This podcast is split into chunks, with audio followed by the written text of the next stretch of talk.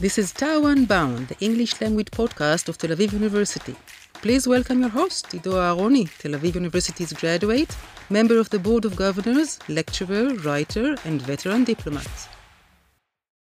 Welcome, welcome to TAU Unbound, the English language podcast of Tel Aviv University. I'm Ido Aharoni, your host, and I'm very, very happy to have with us today Professor Irit Back, Dr. Irit Back. Welcome to our studio. Thank Such you. a pleasure to have you. Uh, Irit, Irit Back is an expert in contemporary African studies, expertise among other fields, Islam and Africa, and even something we'll talk about today. Holocaust in Africa, which is a fascinating subject. Uh, welcome to our show. Thank you very much for having me here. Tell us a little bit about your, your own academic background. Uh, when did you discover that Africa is your uh, area of expertise? I think it's uh, something that uh, began uh, in my childhood. Uh, I, I love to read uh, books of adventure or discover of Africa, like Tarzan, and uh, there was a Hebrew uh, book by Nahum Gutman, uh, Lobengulu, Melech Zulu, the King of Zulu, and other uh, adventure books. And but but uh, the time that uh, I decided that I, I need to know more about Africa was uh, after my uh, military service. I was working in an absorption uh, center uh, at Afula. I was born in Afula. and uh, it was the first group of uh, Ethiopian Jews that came to Israel. And I worked with them. I taught uh, Hebrew to the children. And uh, I was fascinated by this community of people, you know, they was with self-respect. And I felt that they have a very rich history Uh, and culture behind them. And I didn't know nothing. Nobody knew nothing about this community. It was kind of surprise. And then I decided that I must go to learn about Africa. And uh, I, I came to Tel Aviv University and uh, arrived to the Department of African History, but also Middle Eastern. And my my own academic uh, path is uh, combining uh, Middle Eastern and uh, African history, but my first and primary uh, interest is in Africa. And today you're teaching at the Department of African History. Yes, for many, many years. Yes, and um, you know, so you're describing a process that I'm assuming that every person that was exposed to Africa is going through, right? We go from the initial basic romantic view of Africa as a tribal society, very traditional society, into understanding more of the complexity of Africa, right? It goes way beyond our romantic view of Africa. So what what have you learned that you can share with us over the years that things that we should know about Africa that we don't know? Yes, we have kind of slogan of Africanists that say that Africa is not a country; it's a continent. And people used to think about Africa as a single country and not as fi- 54 countries. And what I learned about Ethiopia, for example, it's very different from uh, other parts of Africa. And uh, I thought about Africa, for example, as tribal and Christian, maybe, but not as Muslim. And I found uh, that Islam in Africa is very prominent. So, so let's let's provide our listeners and our viewers with some historical context. So let's say Africa of the last several centuries, who were the foreign players that shaped Africa today? So I know your specialty is the French-speaking African countries, but there were other uh, powers at the time. So give us a little bit of a historical background. Of course, there are all the colonial powers, especially France and Britain, but uh, also uh, other countries such as Portugal and even Belgium. We used to think about uh, Belgium is uh, you know as chocolate and beer, but uh, there, the, the, for a long time they were uh, exercised very harsh colonialism in uh, Belgian Congo. I know. By the way, you should know I have a very large family in Africa, and they lived in Congo, in a town that was known then as Elizabethville, what today is Kinshasa, and then they moved to South Africa, where they still live until this very day. So I'm very familiar with the history of of uh, the Jews of Africa, especially Congo. Wow, it's very unique.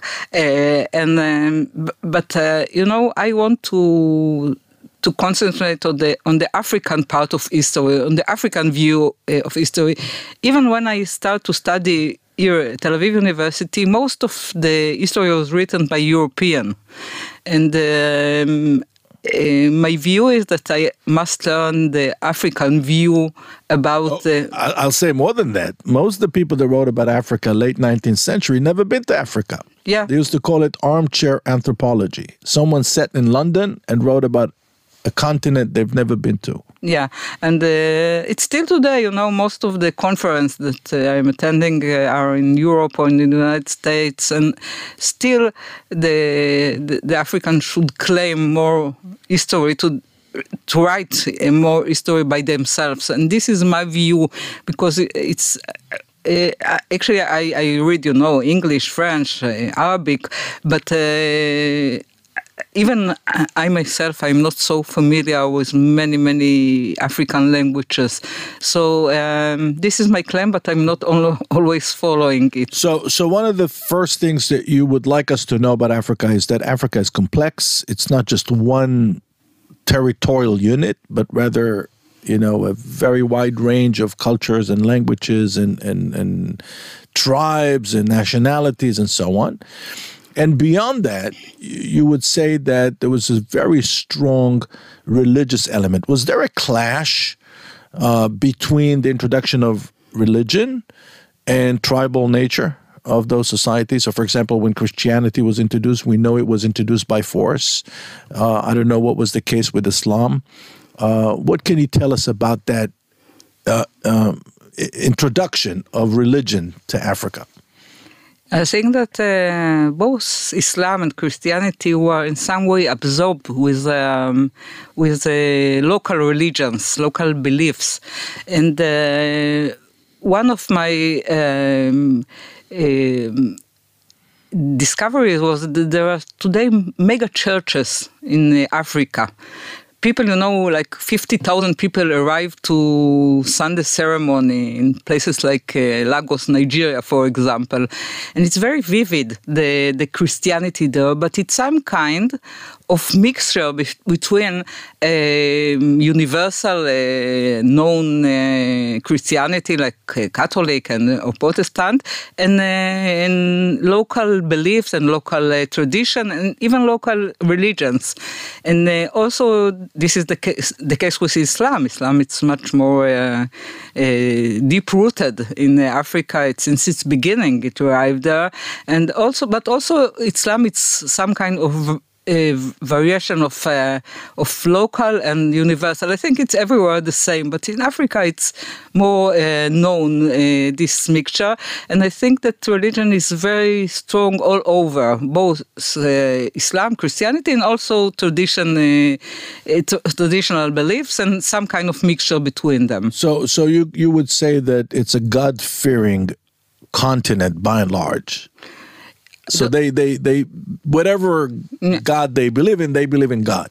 Yeah, I think it's uh, yeah, I think it's some kind of um, it, it's it's unique. I think that Christianity, for example, why it's declined in other places in the world, in Africa it's just uh, blooming, you know, all over the continent, and so is Islam.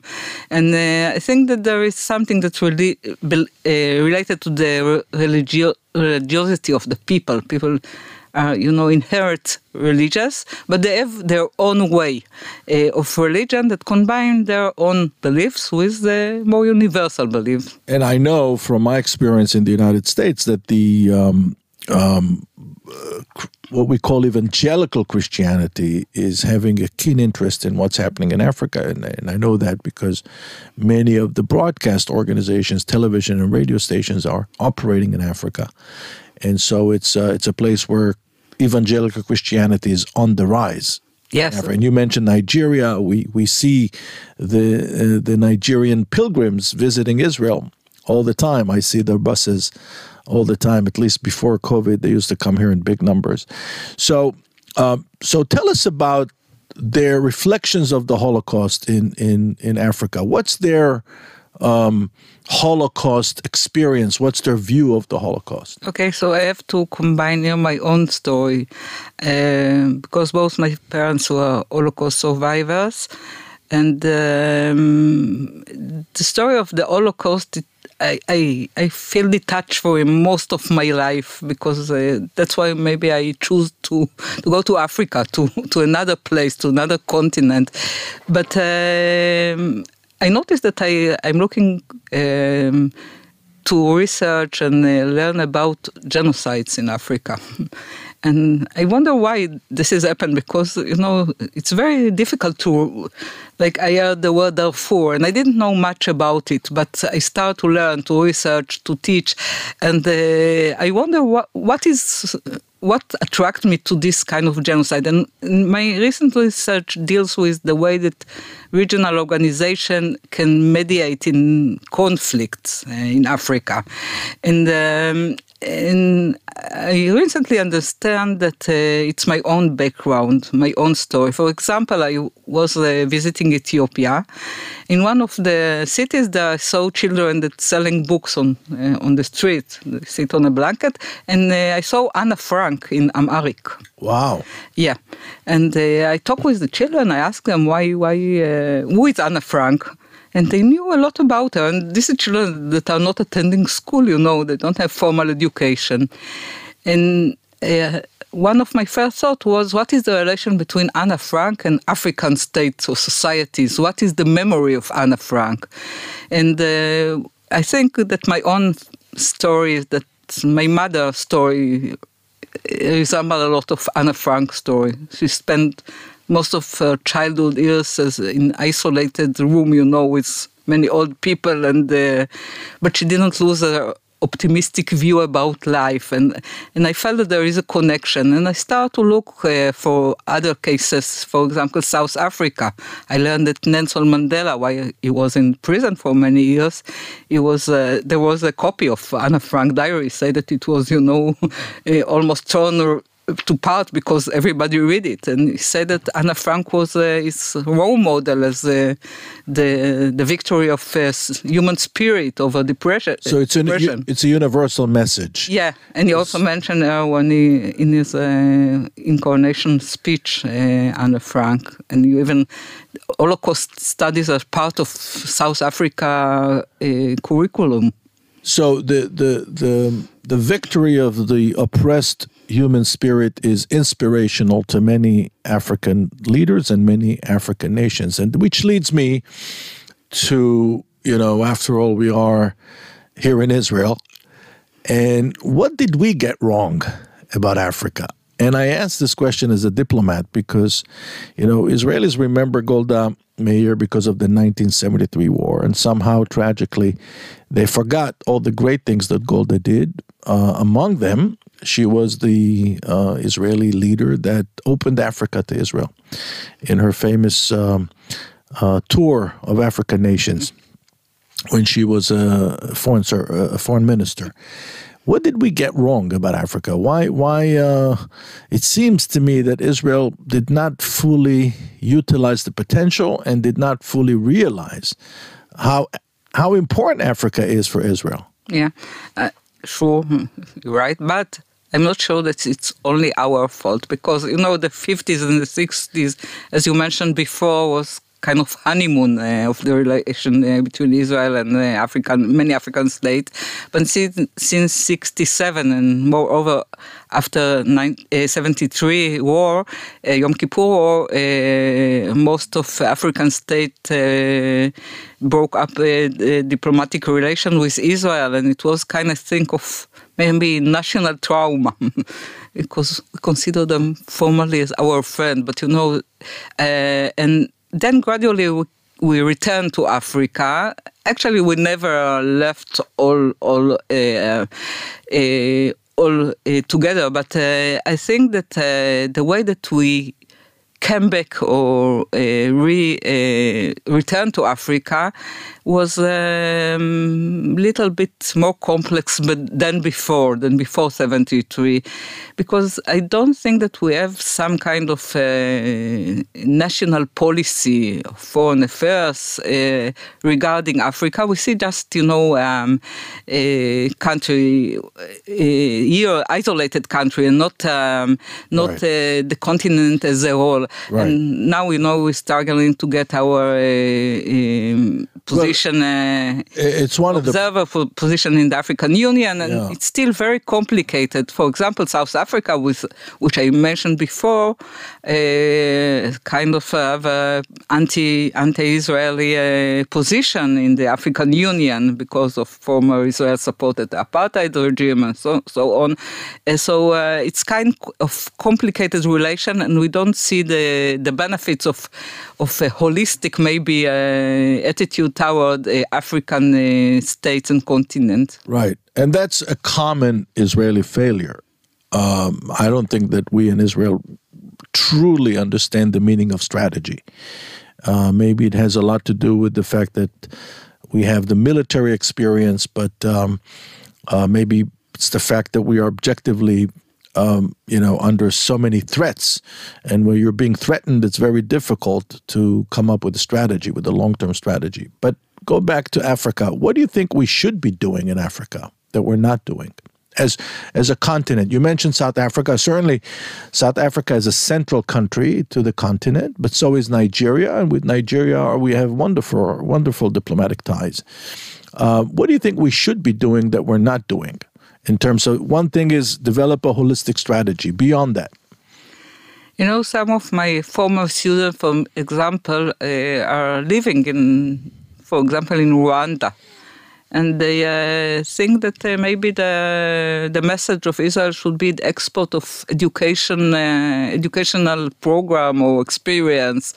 Uh, usually, we talk about agriculture and uh, irrigation and all this kind, but maybe you know uh, we should be um, more. We should advance more, maybe ideas such as our education, for example, education for disabled kids one of my, uh, my students is uh, engaged in a program for uh, children on the autistic spectrum in Rwanda, for example. We have a lot to contribute and also to learn, by the way, not just to contribute, but we have many ways to do, except, you know, for security and security uh, affairs. Uh, we have to think more broadly about uh, about um, uh, all kind of uh, domains that we can uh, be engaged. Uh, even um, I think we don't have enough trade relations with the African states, for example. Well, one of the obstacles, one of the hurdles, is that um, we are um, we have to comply with the American standard. Um, and the American standard is very harsh when it comes to, and rightly so, when it comes to uh, corruption and, and, of course, uh, bribery in Africa. That's why you don't see too many American corporations doing business in Africa because they simply cannot accept the uh, um, the way business is done. Do you do you see any chance that this will change uh, in the near future? Well, right, right now, the Chinese are you know, are the dominant trade and commerce and infrastructure force in Africa. Uh, do you see any any chance of that changing in the foreseeable future? You know, one uh, in the last summit of uh, U.S. and Africa leaders, uh, recently uh, the the American uh, came with a new plan, I think, for Africa, which include a lot of investment and a new way of uh, involvement in many fields, and I think they understand the Chinese threat, as you mentioned before, because. Uh, China uh, is involved everywhere in uh, Africa, and in you know they they are less cautious about dealing with a country that's with corruption suspect yeah. as corrupted and undemocratic. And I think the U.S. understand now that what should be done. The, they didn't do before uh, regarding Africa. Yet, you know, it's just this kind of uh, uh, like Biden uh, period. we don't know what will be uh, later. What will be the the uh, policy of the next the next government in the United States, and there is a lack of con- consi- consistent. Um, a vision regarding Africa, both in the United States and here. And you know, my my late cousin, who was a, a very successful businessman in Africa, and uh, as I mentioned, he, he, was raised in the Congo. He was born in the Congo, and uh, and then in 1975, after the revolution, his business was nationalized, and he had to flee down south to South Africa, where he started from scratch and build another business empire. And so he, he was a very, unfortunately, he died five years ago.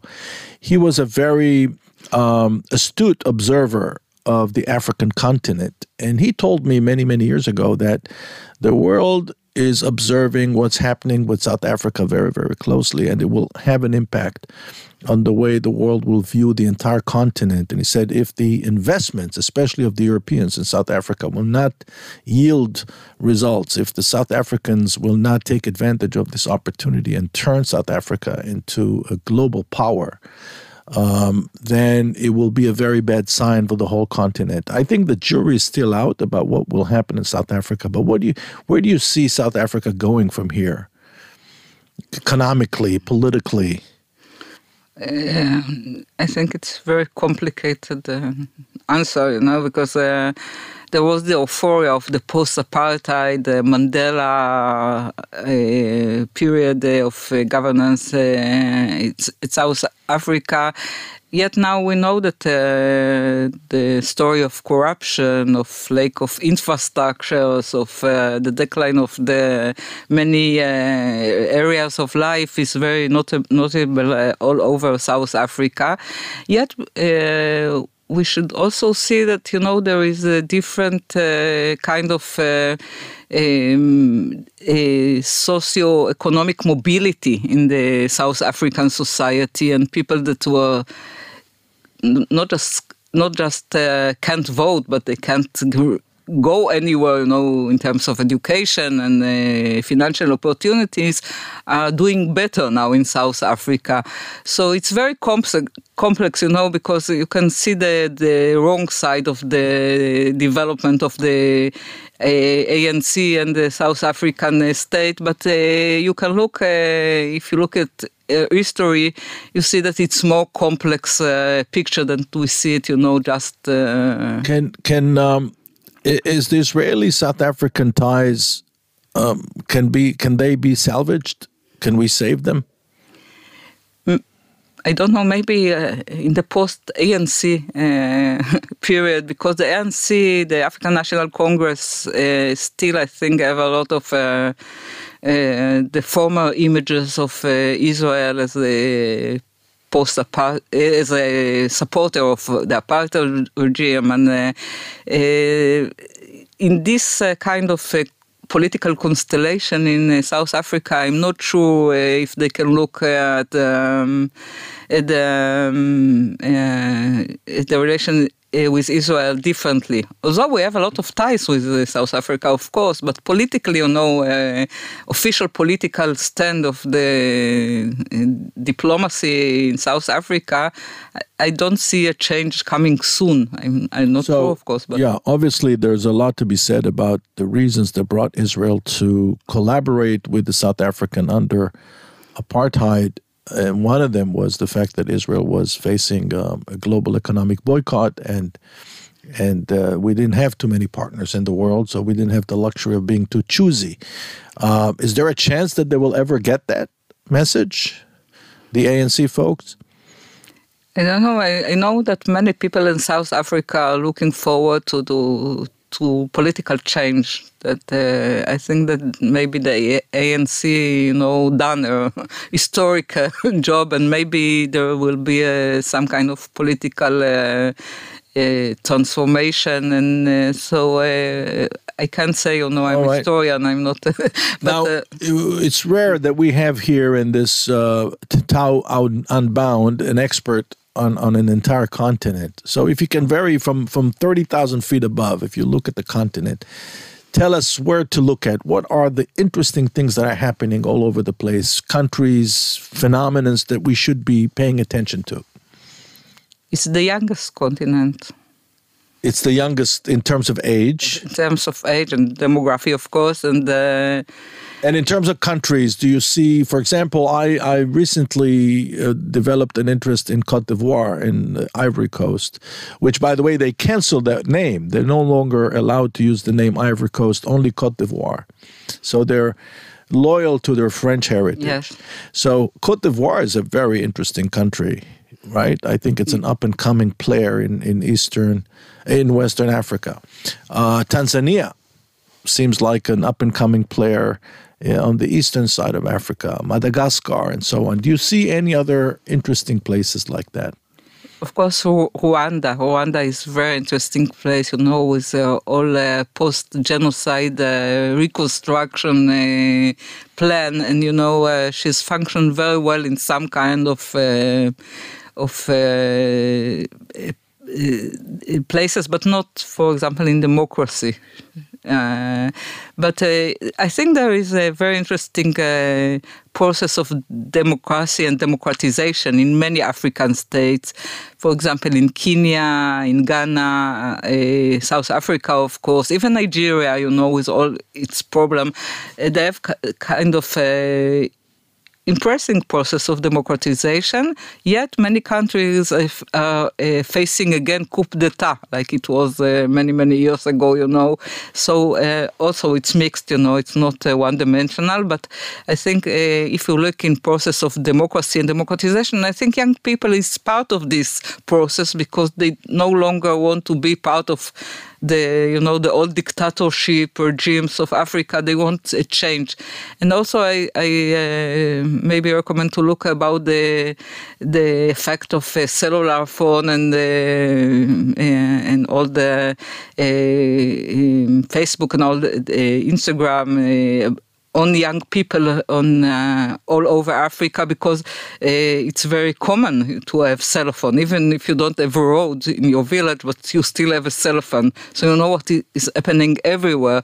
And people, for example, when they uh, look at the corruption, uh, the election, for example, they can take photo of uh, of uh, corruption in election and, and distribute it in uh, social uh, networks.